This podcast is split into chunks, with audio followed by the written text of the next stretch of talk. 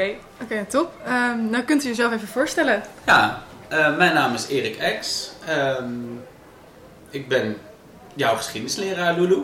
Toch? Dat, Ja. is, dat is het voornaamste wat ik ben eigenlijk.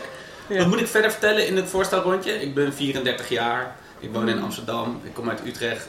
Ik heb nog nooit les van u gehad, dus hoe ziet Ja. een gemiddelde les van u eruit? Nou ja, dat kan je eigenlijk beter aan Lulu vragen, denk ik. Nou, Lulu. Nou, we beginnen altijd eh, met ehm opdrachten op het bord. En daarna wordt het vooral heel veel uitleggen en notities maken. ik denk dat ik veel praat, hè. Ja. Ja, het is wel een beetje geschiedenisleraar eigen, Ja. geloof ik. Maar heel veel mensen vinden het ook wel leuk. Dat hoor ik van heel veel mensen. Want toen ik u nog nooit gehad had. En ik zei tegen mensen, ja, ik krijg nu meneer X. Zeiden ze allemaal, oh, dat is echt heel leuk. En die praat heel veel. Oh ja, Ja, dat vonden ze allemaal heel hoeven ze leuk. zelf niet zoveel te doen. Ja, maar het luisteren is ook gewoon leuk. Oh Je ja. bent ook gewoon een soort van, het, het klinkt misschien, dit is helemaal niet neerbuigend bedoeld, maar het is lekker gewoon verhaaltjes luisteren en zo. En, Nee, maar geschiedenis, geschiedenis is zo'n fijn vak omdat het een verhaal is. En ehm, mensen houden heel erg van verhalen. En ik hou van verhalen vertellen, dus wat dat betreft is het een, een, een match made in heaven. Maar eh, wat ik ook altijd doe is beginnen met voorkennis. En Dat vind ik heel belangrijk, dus dat is dat bord, eh, die bordopdracht. En wat ik belangrijk vind is dat je eh, vaak ook stof herhaalt. En dat, eh, dat, dat wordt nog wel eens vergeten bij geschiedenis. Je kan een verhaal vertellen achter elkaar door. En eh, nou, dat probeer ik wel terug. Telkens terug in de les te brengen. Ik weet niet of je dat merkt, Lulu. Maar Ja. ja. ehm. Nou, ja. we hebben ons eh, even verdiept in u. Jullie hebben je vrienden mij. Nou, Ja. ik ben heel benieuwd. Ja. op internet. Ja. En eh, we kwamen heel veel tegen over het feit dat u zich heel veel bezighoudt met onderwijs. ja, klopt. Ehm, want u heeft onder andere een reis gemaakt met uw broer om in andere landen te kijken hoe het onderwijs daar geregeld is. Ja, U heeft zelf ook een podcast gemaakt. klopt. En u schrijft columns Klopt voor de ook. trouw. Ja, Eh, nou, daarom wilden we het met u hebben over onderwijs. ja. Aangezien het grootste gedeelte van onze doelgroep natuurlijk naar school gaat. Ja. Of eh middelbare school of eh, studeren of wat dan ook. En u zei zelf ook dat u het leuk vond om te bespreken eh, de vraag waarom gaan we naar school? Omdat u de vorige aflevering had geluisterd met Emma. Nou, ik had de aflevering met meneer Boeken geluisterd, met Simon. Ja. Ehm, en volgens mij, Emma, zei jij Ja. daarin... Waarom leren we op school eigenlijk niet om een hypotheek aan te vragen? En toen, en ik, nou, ik luisterde dat op de fiets, ik viel bijna Ja. van mijn fiets. Ik dacht, ik dacht, wat krijgen we nou? We gaan toch niet op school leren hoe je een hypotheek moet aanvragen? Ehm, en, nou ja, daar, daar kunnen we het over hebben. Ehm, waarom bent u in het onderwijs gaan werken? Ja, zoals zoveel mensen ben ik erin gerold, zoals dat heet. Dat gaat jullie ook nog overkomen, dat je al in allerlei dingen in, dat je erin rolt, eh, denk ik. Nou, Of komt je ochtend nu al constant. Ja. Ehm ja, ja, laatst nog ergens ingerold. Ja. Ja, wat dacht je van, hobby's. nou, en, wat dacht je van net? Ik ben net eh, flyers gaan uitdelen voor de sponsorloop. Dat was ook die helemaal niet... de les. ja, Ja. dat was eigenlijk niet de bedoeling. Dus oh Emma, wil je dat doen? Ja. Dus ik ook, Oh, oh, je gerold? Ja. Nou, maar bij mij ging het als volgt. Ik, eh, ehm, ik ging eh, geschiedenis studeren en dat vond ik heel erg leuk. Dat is gewoon mijn hobby. En dat, eh, Nou ja, ik weet niet, het is gewoon een soort dingetje. Het wordt een soort gekte of zo. Dat je op een gegeven moment denkt, oh, geschiedenis, ik, ik wil alles weten hoe Ja. het zit. Ja.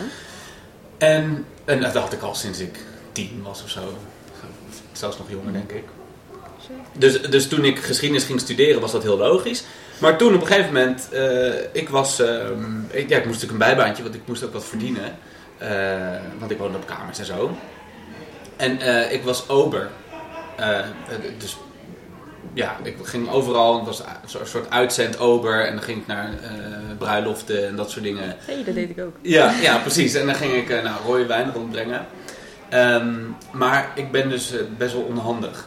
En ja, en ook dus helemaal niet geschikt om ober te zijn. En op een gegeven moment had ik zelfs, eh, moest ik bij mijn baas komen. Want eh, ik had een reprimande gekregen van mijn baas. En hij had gezegd, ja, eh, je doet het eigenlijk niet zo goed. En je, je werkt niet zo snel als de anderen. Ik zei, ja, maar ik laat telkens bijna alle glazen vallen. En ik had, ik had een keer een glas rode wijn over een, over een jurk laten vallen en zo. Dat zijn echt van die dingen, nou... Goed, in ieder geval, ik was er dus gewoon niet goed in. En het was best gênant, want ik was over het algemeen...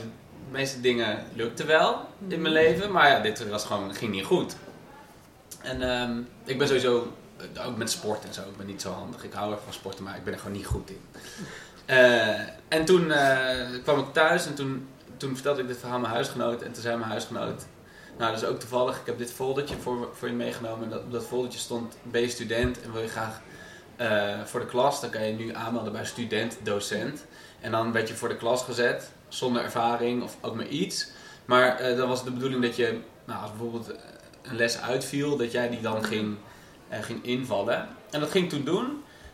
En toen zei de, zei de rector tegen mij, die zei, als je ze binnenhoudt, is het goed. Is het goed. Dan is het voldoende. Dus als gewoon, als, als, zeg maar, als ze niet naar buiten rennen en ze niet door het raam heen vallen, dan, dan is het voldoende voor mij. Nou, dat lukte. Ja, meer dan dat lukt ook niet, maar dat lukte, ja. En, en toen eh, vond ik het heel leuk en toen heb ik bedacht, nou ga ik leraaropleiding doen. Zo is het gaan. Leuk. Maar u, u bent heel veel bezig met onderwijs. Ja. Wat, wat vindt u nou zo leuk aan het onderwijs? Eh, Ik vind onderwijs echt fantastisch. Het is, eh, het is het hele concept dat we dus met elkaar hebben besloten van eh, als je jong bent, ehm, dan hoef je niet te werken, maar we gaan je introduceren in nou, onze cultuur, hè? We- zeg maar in het leven. Dat is, dat is eigenlijk waar het over gaat natuurlijk. En dat we dat dan met elkaar ehm, eh, ja, hebben georganiseerd, dat is echt heel ingewikkeld. Hè? We moeten niet eh, ontkennen hoe ingewikkeld dat is. En onderwijs bestaat al heel lang, maar dat alle kinderen van de wereld naar school gaan, dat is nu nog steeds niet bereikt overigens, maar dat nu nou 80% van de 12-jarigen in de wereld naar school gaan, dat is een enorme prestatie die we pas de laatste decennia voor elkaar krijgen. Ehm, en dat vind ik heel bijzonder. En dat vind ik, een, dat, dat vind ik ongeveer het tegenovergestelde ehm, van iets wat we gedurende de hele geschiedenis al doen. Bijvoorbeeld zoals eh, eh, elkaar afmaken in oorlogen.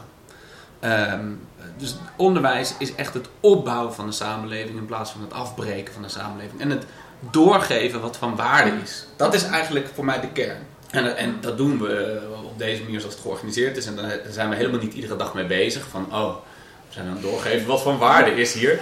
Ehm, maar, maar de kern, daar zit het hem uiteindelijk in, denk ik. En dat vind ik mooi. Eh, bent u ontevreden over hoe u vroeger les heeft gekregen? Oh, dat is gelijk wel een moeilijke vraag.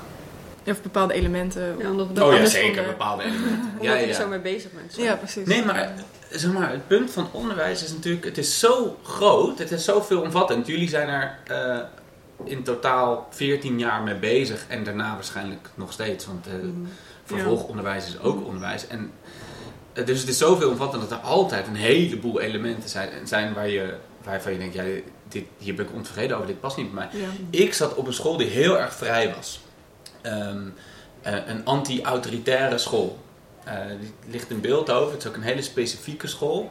Ehm, en op die school ehm, ja, mocht van alles. En we waren heel erg gelijk met de leraar. Eh, we liepen de lerarenkamer binnen en dan zeiden we tegen leraren: hoe zit dit, hoe zit dat eigenlijk? Eh, eh, dit- dat is niet in orde. En, eh, en dat soort dingen gebeurde daar heel veel. En dat was heel erg leuk. Het was echt een heel erg leuke school. Ik heb nog steeds best wel veel vrienden uit die tijd.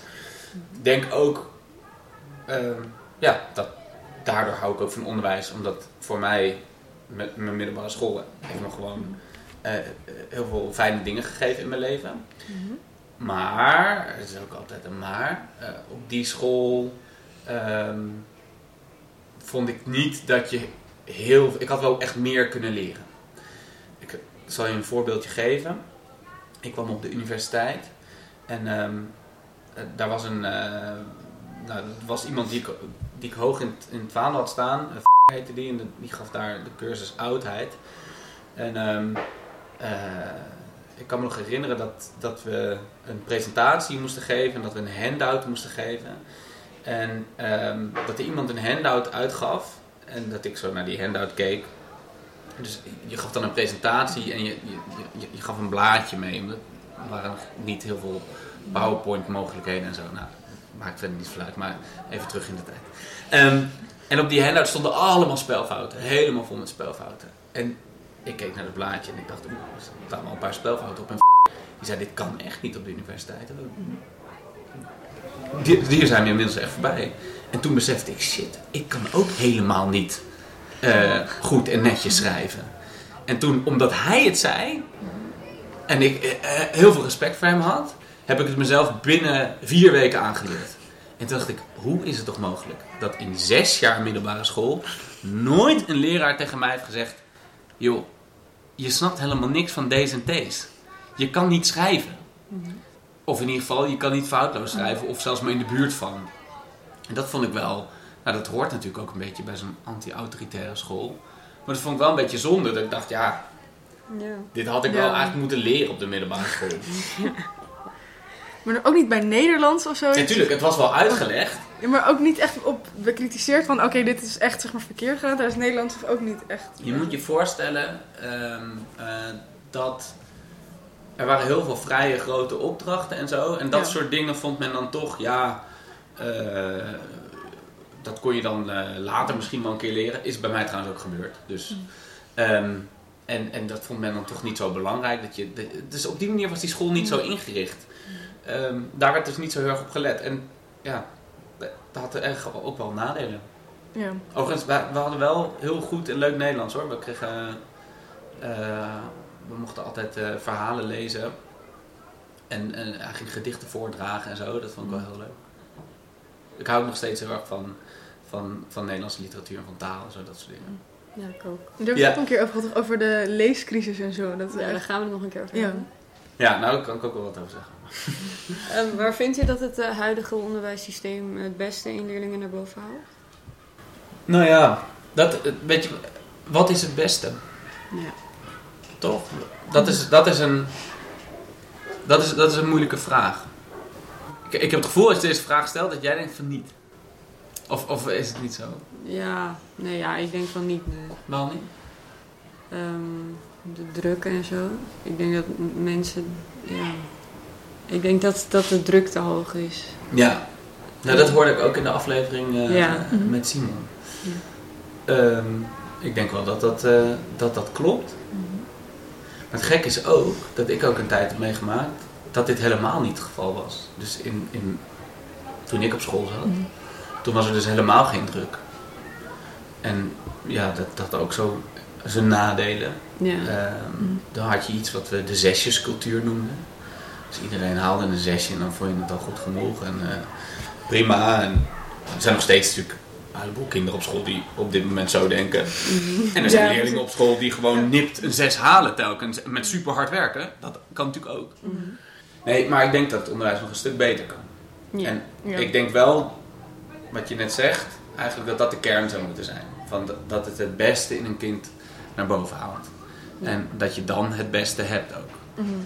Maar ik heb er eigenlijk, eh, ik denk niet dat we dat eh, met een paar veranderingen van, oh, we doen dit, Nee, doen we dat, doen we dat. En dan Ja. is het bereikt. Nee, ja. Nee. Nee, want ik merk bijvoorbeeld, mijn broertje die zit dan op een, eh, hij zit op het, ehm, hoe heet het nou? En dat Daar vind ik nooit gehoord. Ja, maar dat, vertel. maar, maar dat, dat vind ik wel op die school, want ehm, daar zijn ze dus, dat is een VMBOT-school. Ja. En dat is eigenlijk meer gefocust op, oké, eh, we, we gaan heel erg koken en bakken. En juist dus eh, Ja. als ober, ja. weer daarop gefocust voor Oh, mensen wij die... hadden trouwens ook koken op school, maar goed. Oh, echt? Ja, oh, ja. En een vak dat textiel heette. Oh, dat had ik echt heel graag gewild. Dat Ja, ik nu- was ook heel leuk. Eh, Maar goed, ga oh, sorry, terug naar het verhaal. Ehm, dus mijn broertje die heeft dus drie uur in de week bakken, drie uur in de week koken. En eigenlijk dus, die school is een beetje gebaseerd op mensen die daar een soort van een soort passie in zien en kunnen daar naartoe gaan. Ja. Dat wordt heel erg soort van omhoog gehaald. Ik denk dat bijvoorbeeld dat, meer van dat soort scholen of zo zou denk ik best wel tof zijn voor bepaalde kinderen. Ja. Ik Ja, heb niet een alleen maar, maar... maar nu, nu ga ik je, want je zegt voor bepaalde kinderen. Welke kinderen? Eh, nou, gewoon mensen die daar eh, behoefte aan hebben. Ja, maar hoe weet je nou wie dat zijn? Zie, je, dat, dat Ja. is dus een van de lastige dingen. Ehm, ik zou prima een of andere toets kunnen bedenken of een of andere vragenlijst kunnen bedenken waarop ik alle kinderen eh, op hun eh, achtste jaar kan indelen in, nou, jij houdt van koken, dus jij gaat lekker eh, koken. Ja, eh, jij houdt van, van Latijn, dus jij gaat lekker Latijn. Nou, jij bent meer met getalletjes, dus jij gaat lekker alleen maar aan je wiskunde. En dan doet iedereen precies wat hij leuk vindt. Maar het punt met kinderen is juist, en dat maakt kinderen ook zo leuk en onderwijs zo menselijk, is dat kinderen dus veranderen. Want ze kunnen dus leren. En het kan gebeuren eh, en het gebeurt ook constant, ik zie het ook de hele tijd, dat kinderen iets eerst lastig vinden, Ja. daarna leuk vinden en daarna saai vinden. Of dat kinderen iets eerst leuk vinden, het daarna ontzettend saai vinden en daarna moeilijk gaan vinden. Ja, dus dat soort dingen gebeuren allemaal. En dat komt natuurlijk omdat kinderen niet alleen leren, maar ook zelf heel erg veranderen. Mhm. Dus die, die fase, eh, nou ja, vanaf ongeveer 9, 10, 11 jaar, adolescentie tot 15 jaar, veranderen kinderen ontzettend. Ja.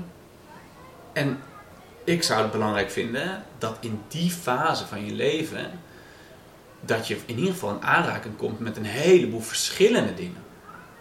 Maar ik, Mhm. ik, vind, eh, ik vind koken op school, zou ik zeer begrijpelijk vinden. Ja, precies. Ja, maar ik had meer soort van verschillende soorten interesses bijvoorbeeld. Ja, precies. paar- ja, Ja, dat vind ik ook. Dus een, Ja. breed, een breed aanbod. Ja. Overigens hoort daar volgens mij niet bij hypotheek aanvragen. Nee, maar ik, nee, maar, ik vond zelf gewoon, op dat moment vond ik heel erg, kijk, we leren toch ehm, dingen die we soort van later nodig zullen hebben of zoiets. En dat zou ik hopelijk ooit een keer later moeten doen.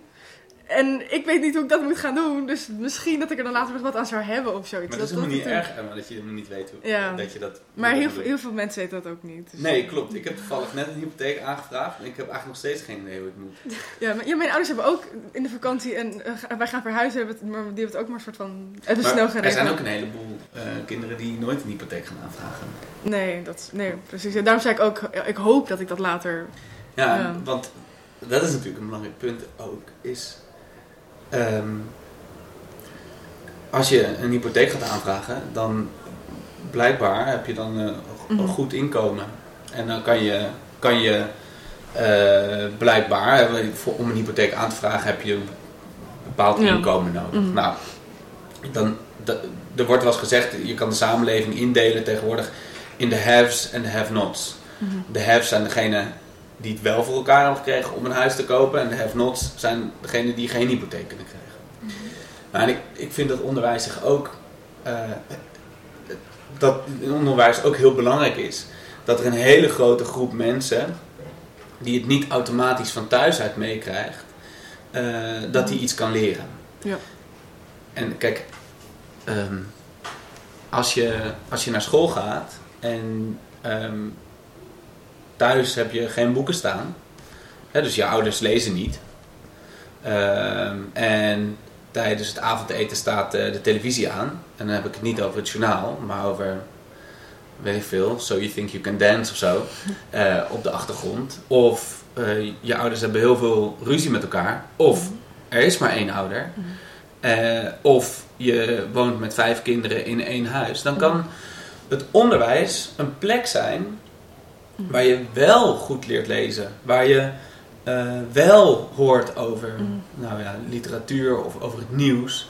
eh, waar je wiskunde leert, zodat je uiteindelijk ehm, onderdeel kan worden van, van, eh, van die maatschappij die, nou ja, eh, waar, waar men dat ook allemaal heeft. En je, je kan jezelf dus opklimmen via onderwijs. En dat is hoe overigens in de hele wereld er over onderwijs wordt gedacht.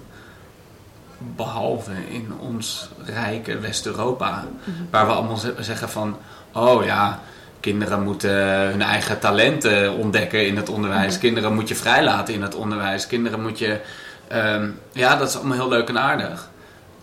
Totdat je, want als je een kind vrijlaat in het onderwijs die voor de rest geen enkele weet heeft van de wereld, eh, dan, dan gaat hij zich ook niet per se ontwikkelen. Mhm. En dus dit, ik, heb, ik heb een keer een heel interessant ding gezien in, ehm, in India was ik. En dan hadden ze een, een les.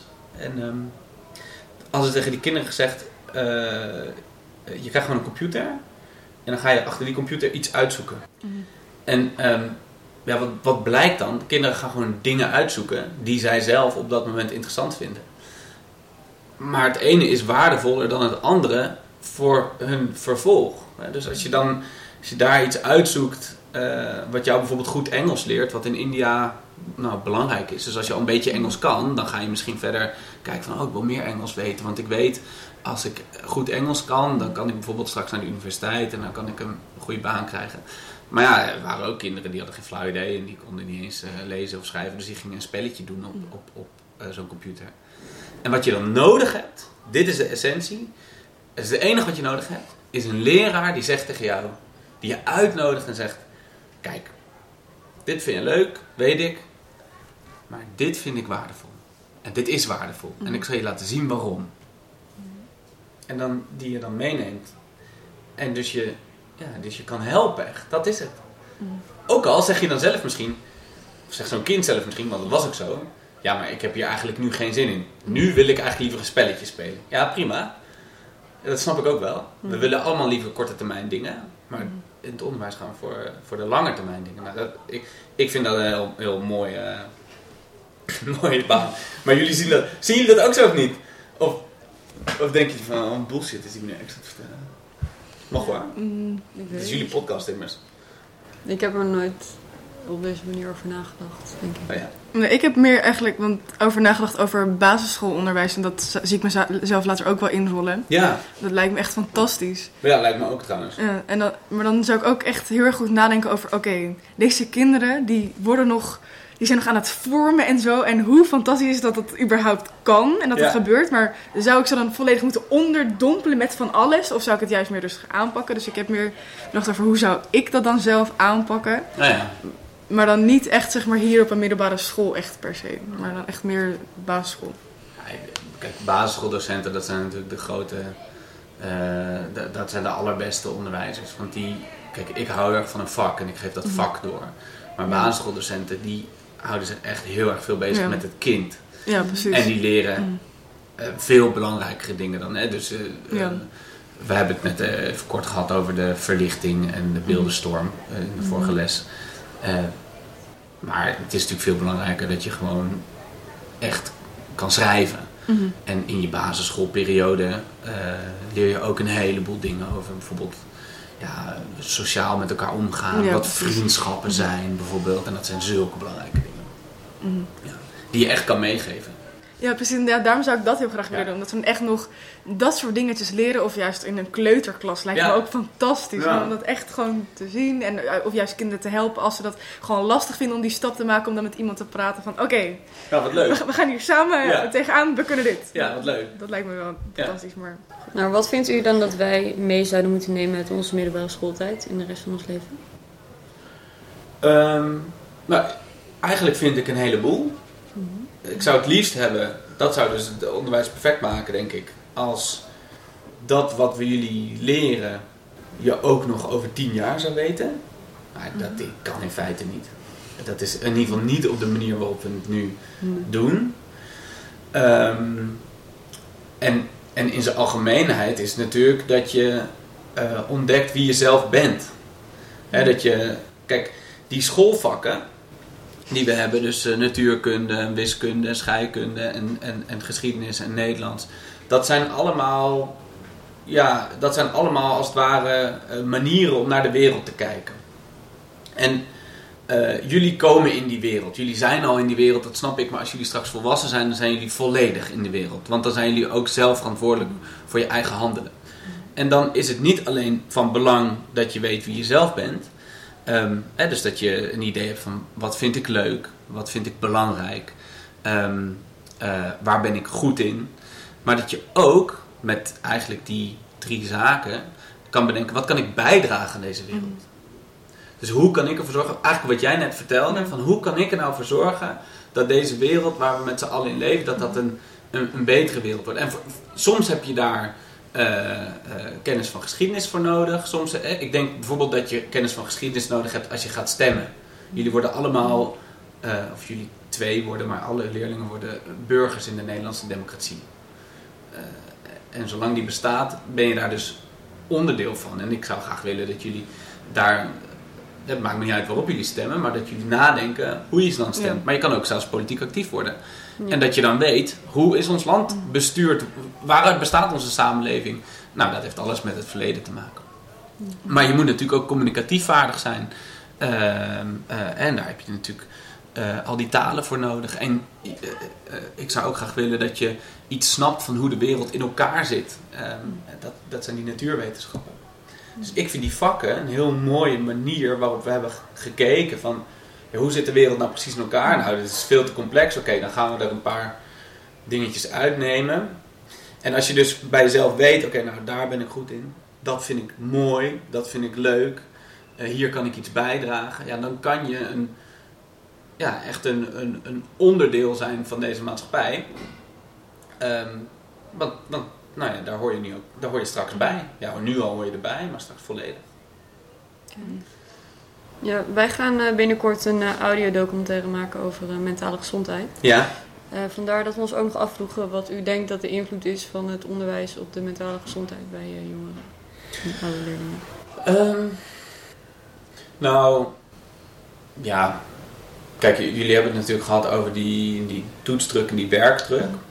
Ik moet wel zeggen dat ik denk dat dat ehm, hoort ook een beetje bij onze tijd. En het is Mhm. ook iets van onze school, denk ik. Ja, het is ook vooral gewoon onderling met elkaar ook Ja. wel. Dus dit, dit Ja. krijg je een beetje als je 800, eh, als je 800 kinderen in een school zet. eh, dan tegen ze allemaal zegt, jullie behoren tot de allerslimste. Ja. Mhm. Ja, en dus dat, dat is iets wat we in ons schoolsysteem gecreëerd hebben. Ja. Ja.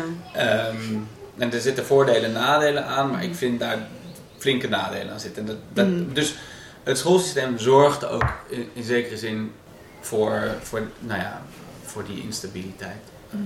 Maar ehm, aan de andere kant is het schoolsysteem ook een superbelangrijk eh, ehm, eh, systeem om, om te achterhalen van hoe gaat het nou met onze kinderen. En eigenlijk zie je heel vaak het volgende, namelijk leerlingen bij wie het niet goed gaat op school.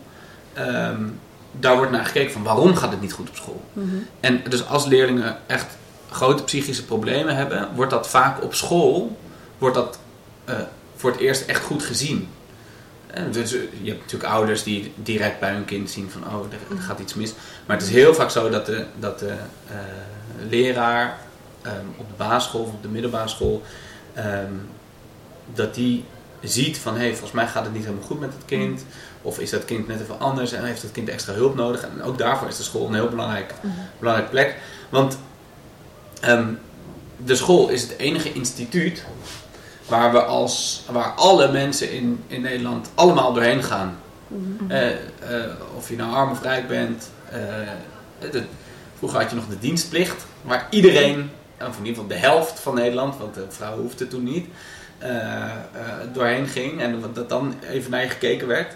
Maar de- er zijn natuurlijk ook mensen die, eh, die, ja, die hebben geen flauw idee dat het, eh, wat voor mogelijkheden er allemaal zijn als je bijvoorbeeld, nou, die bijvoorbeeld een trauma hebben en bijvoorbeeld niet weten dat ze een trauma Ja. hebben, niet weten waar hun psychische klachten vandaan komen. Mhm. Ehm, en die niet weten dat je naar een psycholoog kan daarvoor, Mm. omdat je daarmee geholpen kan worden. Ja. Dus de school is ook een manier waarop de samenleving zeg maar, met elkaar in verbinding staat. Ik vind sowieso op onze school wel dat iedereen heel erg veel met elkaar praat over problemen en Ja. zo. Dat vind ik best wel Ja. goed. Want ik kwam uit een heel klein dorpje, 900 inwoners en Oh, een ja? ezel. Den Ilp, het, eh, in het noorden. Oh, daar ben ik wel eens geweest. Daar heb ik Oh, doorheen gefietst. Oh ja, Ja. dat is heel mooi. Ja, sorry, eh, Ja. weer afgeleid. Ehm, dus ik was eigenlijk gewoon een kleine klas gewend. Eh, ik kwam ook, we ho- we hoorden tijdens geschiedenis toen op de basisschool dat er iets was zoals racisme. En dat ik echt dacht, is dit een ding? Dat was me nog nooit uitgelegd. Of. Ja. Dat echt, echt zeg maar een beetje zo onschuldig, ik wist niks. Ja, maar dat is toch hartstikke goed. Hè? Dat is op de basisschool word je dus in, eh, in verbinding gesteld met de grote wereld. Ja. Maar goed, ga Oh ja, maar Dus, dus ik kwam op het Cygnus en toen dat eigenlijk een soort van meerdere mensen hadden verschillende meningen en zo en totaal anders van, dat, van wat dat ik had. Dat ik echt dacht, wow, wat gaaf dit. Ja. Zo anders. Ik vond het zo bijzonder dat ik helemaal een soort van verbaasd ervan werd dat iedereen zo anders eh, was. Heel maf. Ja. Nou ja, maar dat hoort er ook bij, want je, bent, je, Ja. je verandert. Ja, precies, omdat je gewoon verandert Ja. en door dus andere mensen, door daarmee te praten en eigenlijk je mening ook wel weer op basis daarvan weer te veranderen en zo. Ja, en dat gaat ook nog gebeuren. Jullie Ja, gaan je mening nog een keer veranderen. En nog Ja, een keer. precies. Dat- maar dat, dat, en dat leer je dus ook. Mhm. En oh, ik denk dat je op school ook moet leren eh, dat er dus mensen zijn met een andere mening. Mhm. En hoe je dan dat vervolgens met elkaar doet. En Mhm. overigens weet ik niet zeker of het Cygnus daar nou een heel goed voorbeeld van is. Toch? Ja. ja. Weet ik niet. Nou, er lopen hier in ieder geval geen VMBO's rond. Ja, Nee. ja, dat vond ik net ook toen ze met de, met de bovenste 3%. Maar dat was mijn moeder. eh, zij ging eh, eerst rechten studeren. En toen kwam ze al binnen. En toen werd er eigenlijk gezegd: Ja, jongens, jullie zijn de elite van de samenleving. Bereid je er maar vast op voor dat mijn moeder eigenlijk al heel snel dacht: Ja, dit ga ik niet doen. Als ik zo behandeld word als de elite, dat werkt niet zo. Dus hebben, jullie, is, hebben jullie dat, eh, dat eh, gevoel eens dat je de elite bent? Nee. Dat je, Nee. Word je niet aangepraat? het wordt wel verteld, maar dat je denkt: Ja, maar dat. Want intelligentie zit op verschillende dingen. Dus, Ja. het is, dus dat is totaal anders. En sowieso kan het ook zo zijn dat iemand mega intelligent is, maar niet weet hoe diegene moet leren, bijvoorbeeld. Dus dat het niet per se eruit komt. Ehm, maar aan de andere kant denk ik ook wel dat het fijn is dat we bij elkaar dus op deze school zitten. Dat je dan niet die ene bent die zich constant verveelt in de klas. Die ene bent die dus maar als soort van de nerd wordt gezien die zelf maar dingen gaat onderzoeken, bijvoorbeeld. Nee, maar we hadden het daar straks. Stel nou voor dat je koken hebt, of textiel, of Ja. eh, Ja. dat een van je vakken eh, een, een auto in elkaar zetten en uit elkaar halen is. Mhm. Ja, dan vermoed ik toch dat, eh, dat de beste nu plotseling dan niet meer de beste zijn. Hmm. Ik vind het allemaal zo zo'n beetje scheef, want ehm, wat u net zei over die dienstplicht. Mijn Ja. vader die eh, moest een dienstplicht. En die eh, werd toen ook mentaal gekeurd. Maar toen heeft Ja. hij zich af laten keuren omdat hij geen zin had om dat leger in te gaan. Ja, ja, dat was, ja, dat was Maar- natuurlijk een grote ding aan dienstplicht. Niemand had er zin in. Ja. Toen heeft hij zich mentaal af laten keuren. En daardoor kon hij heel veel dingen niet meer doen qua ehm, beroepen en zo. Want dan wordt dat gewoon in je paspoort gezet. Nee, ze hebben het niet voor niets afge, afgeschaft. Eh, het, was, het was niet meer nodig na het einde van de Koude Oorlog. En de- men zag ook wel in van dit, dit eh, werkte eigenlijk niet zo goed. ja. Ik heb mijn brief gehad, hè? ja. Die heb ik, Jij eh, bent 18 geworden? eh, nee, 17, maar... Oh, dan krijg je al je brief. Ja, als je 17 bent, dan eh, krijg je Dat is hem. nieuw hè, dat er ook meiden krijgen. Ja, jij was volgens mij eh, een van de eerste die er eentje had. Ja, jij, jij was de eerste, ja precies. Ja. Net schrok je eh, wezenloos. Nee, ik had echt nou, plotseling het leger in. Ja. Daarvoor had ik gehoord dat ik die brief zou krijgen. En die middag kreeg ik ineens die brief. Oh, ja. En mijn moeder had dat, dat zegt ze van, Emma, je hebt een brief gekregen. Ik heb hem maar, dat ik ook, mijn mama is niet verplicht. Oh ja. Dus het was toch een soort van opkomst. Ja, het is niet oproep, verplicht of eh, zoiets. oproep. Ja, de, was de het. dienstplicht is afgeschaft, maar op het moment dat het weer oorlog wordt. Nee, dus de dienstplicht is niet afgeschaft. De dienstplicht is opgeschort. En dat betekent dat ze gewoon geen nieuwe mensen meer oproepen. Mhm. Maar als het dan oorlog wordt, dan kunnen ze hem weer, dus eigenlijk niet invoeren, maar gewoon zeggen: Oh, we schorten het niet meer op. We gaan weer iedereen oproepen. Oh, zo werkt. Alleen het, het gekke is eh, dat vroeger kon je dus laten afkeuren. Ja, En dat hoeft hier niet. Maar dat kan nu niet meer, want er wordt niet meer gekeurd nee. omdat dus niemand wordt opgeroepen. Ja. Dus eigenlijk, eh, ja, ja, als het weer moet, stel, ik, ik hoop het toch niet. En nu hebben ze kort geleden ook besloten, heel, het is heel raar, dan hebben ze besloten, oké, eh, meisjes eh, moeten die brief ook krijgen. Ja. Ter- Terwijl ze worden dus niet opgeroepen, dus wa- wat maakt het uit of je nou wel of niet. Maar goed, dus, eh, dus nu krijgen meiden hem ook, omdat eh, ja, we toch iedereen eerlijk behandelen. Ja. Ja. Ja, het enige wat er is gebeurd is dat er twee keer zoveel brieven worden verstuurd. Ja. Ja. Ja. dat is wel zo. ik denk dat we door moeten gaan naar de filosofie Nog negen minuten, dat is tien over twee. Oh ja? Ja, Oh ja. Dus dan moesten we. Kijk heel even wanneer we moeten surveilleren. Ja, dat klopt wel. Ja, we willen niet iets langer door, maar... Oh, deze is misschien ook nog wel leuk om nog even... Ja. Oh ja, wat is eh, de belangrijkste les die u meeneemt uit uw onderwijsreis die u heeft gemaakt?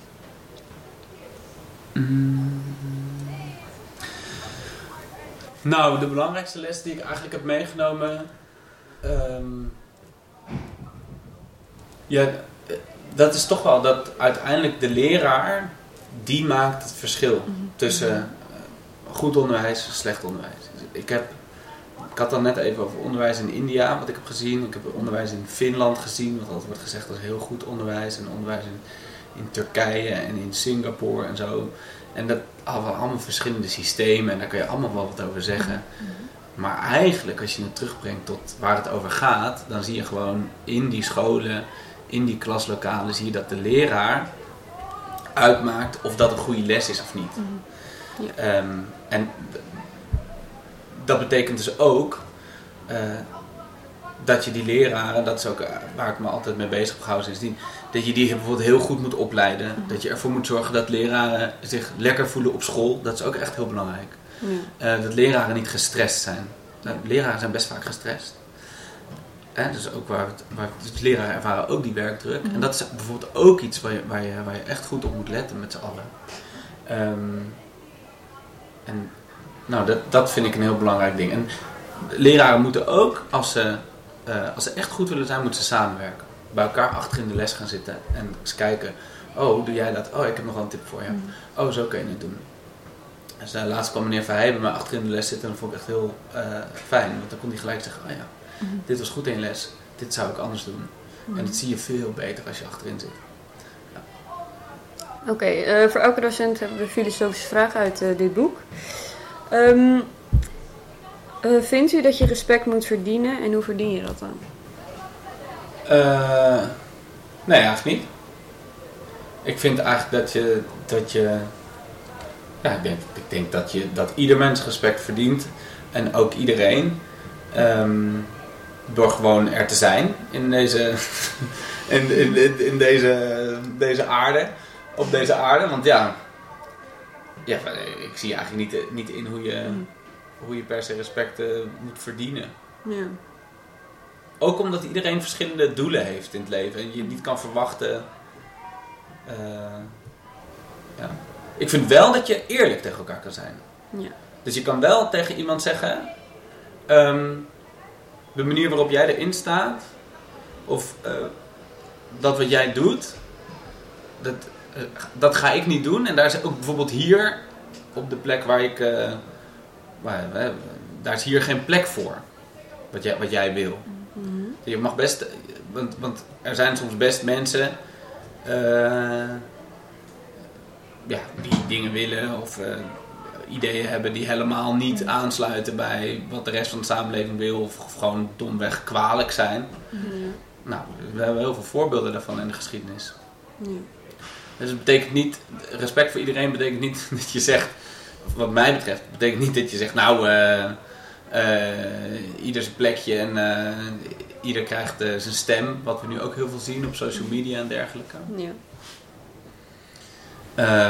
Daar, daar mogen we best met elkaar hard in zijn, want helaas is het niet zo dat ieder mens helemaal goed is. En dat als je alle regels loslaat of alles loslaat, dat iedereen dan dat we dan een soort perfecte samenleving krijgen.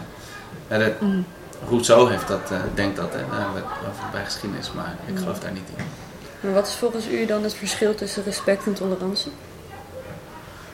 Um, ja, nou, ik, kijk, ik denk.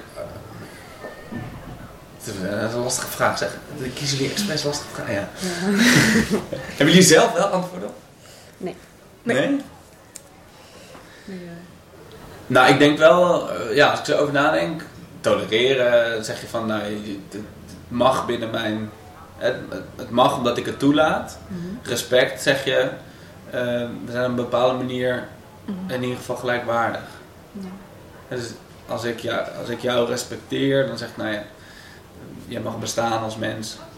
Als ik jou tolereer, dan zeg ik, dankzij mij uh, mag jij uh, hier zitten of zo, weet je wel. Dat, dat is misschien wel... Maar kunt u zich voorstellen dat er mensen zijn voor wie u geen respect op kan brengen? Ja, in praktijk gebeurt het natuurlijk wel. Uh, er zijn zat historische figuren waar ik heel weinig respect voor heb, bijvoorbeeld. Ja. Um, ja. Maar het is toch wel een van de intrigerende dingen aan geschiedenis, vind ik ook. Dus dat je met elkaar gaat achterhalen van... Uh, maar ik ben er ook van overtuigd dat iedereen... Of, overtuigd, het is gewoon zo. Iedereen leeft natuurlijk in een context. Ja. Dus... Toch? Ja. Dus uh, ja, om gewoon maar het vreselijke voorbeeld te... Kijk, uh, neem zo iemand als, uh, als Hitler. Hè. Dat, laten we er toch... Ik ben geschiedenisleraar, dus laten we maar toch weer een vergelijking trekken met de Tweede Wereldoorlog. Ja. Nee, ja, daar heb ik natuurlijk geen respect voor in de zin van wat hij, wat hij heeft gedaan. Aan de andere kant vind ik het, wel, vind ik het ook um, interessant als historicus om te kijken in welke omgeving groeit hij op. Wat is zijn standplaats, zoals we dat noemen. En als je dan kijkt naar het uh, Duitsland van het eind 19e, begin 20e eeuw, dan snap je plotseling veel beter, oh, oh dat is waar hij vandaan komt. Mm-hmm. En hij had ook een oorlogstrauma bijvoorbeeld, hè? dat maakt natuurlijk niks wat hij heeft gedaan goed. Mm-hmm. Maar dat is, dan, dat is wel intrigerend om dat, om dat te onderzoeken. En ik denk dat dat nog wel een dat betekent, ja, dan, dan zou je kunnen zeggen, op die manier respecteer je ook een persoon door te achterhalen, eh, hoe zat dat eigenlijk toen? En eh, ik vind dat ook heel interessant bij bijvoorbeeld eh, nou ja, onze voorouders. Ehm zeg je altijd uit, stel dat je onderzoek gaat doen naar je eigen voorouders, dan kom je er vast op een gegeven moment achter dat er ook een of andere eikel tussen zat. Maar hoe zat dat dan? Waarom was die dat? En daar kom je uiteindelijk ook weer zelf uit voort. Dus ja, ja we zijn allemaal mensen immers. Nou, de, dat is misschien een beetje een, eh, een lang antwoord op deze vraag. Maar ja, je Ja. moet me niet zo ingewikkelde vraag ja, stellen. ja, nee, Ja. ja. Dit is ook de bedoeling van die Ja. eerste vraag. Ehm, ja, dat I- was iedereen zegt dat altijd over die vraag. dat- Van, oh, wat een moeilijke vraag. een moeilijke vraag. Bij meneer Boek hebben we er een uitgeknipt, want dan wist hij het antwoord echt niet. Oh, echt? Ja. Oh, ja. Ehm, nou, dit was hem. Mag ik jullie nog vragen stellen? Ja. Oh ja, dat was ik Zeker. ook helemaal vergeten om te vragen. Want dat Heeft u nog vragen? Nou, ehm, eh, ik ben wel heel benieuwd als jullie nou. eh hoeveelste ben ik in de rij? Vierde. Vierde leraar die jullie hebben. Ja. Ehm, en hoeveel gaan jullie er doen, weet je dat? Een hele lijst. Een stuk. Doen Wat we leuk. nog- doen we nu nog- Veertien. We hebben, we hebben Wacht, in totaal- 14? Ja, Wat? veertien. We Wacht, hebben er nu al drie of zo. Hebben we er gehad. 14? Ja, geloof dat we nog elf moeten of acht. Hebben we er echt 14? Volgens mij wel. Wacht, laat me er niet... Eh, even kijken hoor. Oh, maar Dat ik is vind het niet- echt ontzettend leuk. Eh En- wist het niet. 1, 2, 3, 4, 5, 6, 7, 8, 9, 10, 11, 12. Nou, 12. Het niet En in de 14. boeken nog een 2.0. Dus dat is Oh ja. nummer 12. Oh, dan gaan we meneer Boeken nog eentje doen. Ja, die gaan Oh, we in leuk. onze audiodocumentaire over mentale gezondheid gaat die Oh, ja. eh, Nou, daar kan hij wel over praten. En wat ik dan heel benieuwd ben, is of jullie ook zelf een soort van ehm, ja, conclusie daaraan gaan, gaan, gaan trekken of zo. Of zelf een soort analyse erop gaan loslaten. Of is het gewoon, eh, zeg maar, gooien jullie de ether in en zeggen jullie van, dit is het, dit is gewoon ons, ons project. Ehm, en je moet zelf maar je eigen conclusies trekken als een soort... Misschien moeten we dat wel gewoon doen, een soort nabespreking. Want ik heb echt wel nog nagedacht gesprekken met over... docenten. Ja, want ik heb echt nog wel nagedacht over een paar dingen wat docenten hebben gezegd tegen ons. Dat ik echt dacht, oh, zo heb ik er nooit naar gekeken. Dat is Ja. echt wel Ja, waar. We moeten sowieso nog content hebben om eh, over te praten. Dus Ja, maar, nee, maar dat blijft ja, sowieso we gaan dingen nabespreken, lijkt me een goeie. Nou, ik vind namelijk wat jullie nu doen, vind ik echt heel interessant. Dat je, je neemt eigenlijk een, een dwarsdoorsnede van de school, eh, door de docenten te spreken. Je zou trouwens ook nog, daar hebben jullie vast wel over nagedacht, ook nog leerlingen kunnen Ja. spreken en ouders kunnen spreken en eh, schoolleiding kunnen spreken. Maar goed. Ehm, en ja, dat geeft heel mooi weer, want zo'n school is ook een, een, een, eh, een leefomgeving Mhm. wa- waarvan best moeilijk weer te geven is. Ja, wat is de school nou eigenlijk? En met jullie project, ik vind het eigenlijk bijna een soort onderzoek slash kunstproject. Eh, geef je zeg maar dat soort, ja, geef je zo'n dwarsdoorsnede van school. En dan, Ja. ja, eh, ik denk dat het heel waardevol is. Ook als een tijdsdocument. Ja, dat denk ik natuurlijk als historicus aan. maar Ik denk dan, weet je wel, dat een iemand over 20 jaar, misschien zijn jullie het zelf wel, waarschijnlijk jullie zelf, dat een keer terugluistert en denkt, oh ja. Ja. Dat lijkt me helemaal briljant. Om eigenlijk te denken dat- ik dan ga luisteren naar- het fragment dat ik zei hypotheek leren. Dat ik echt dacht, oh Emma, waarom zei je dat nou? Ja, of misschien ben je het wel mee eens. Dan Dat denk ik van, Ja, precies.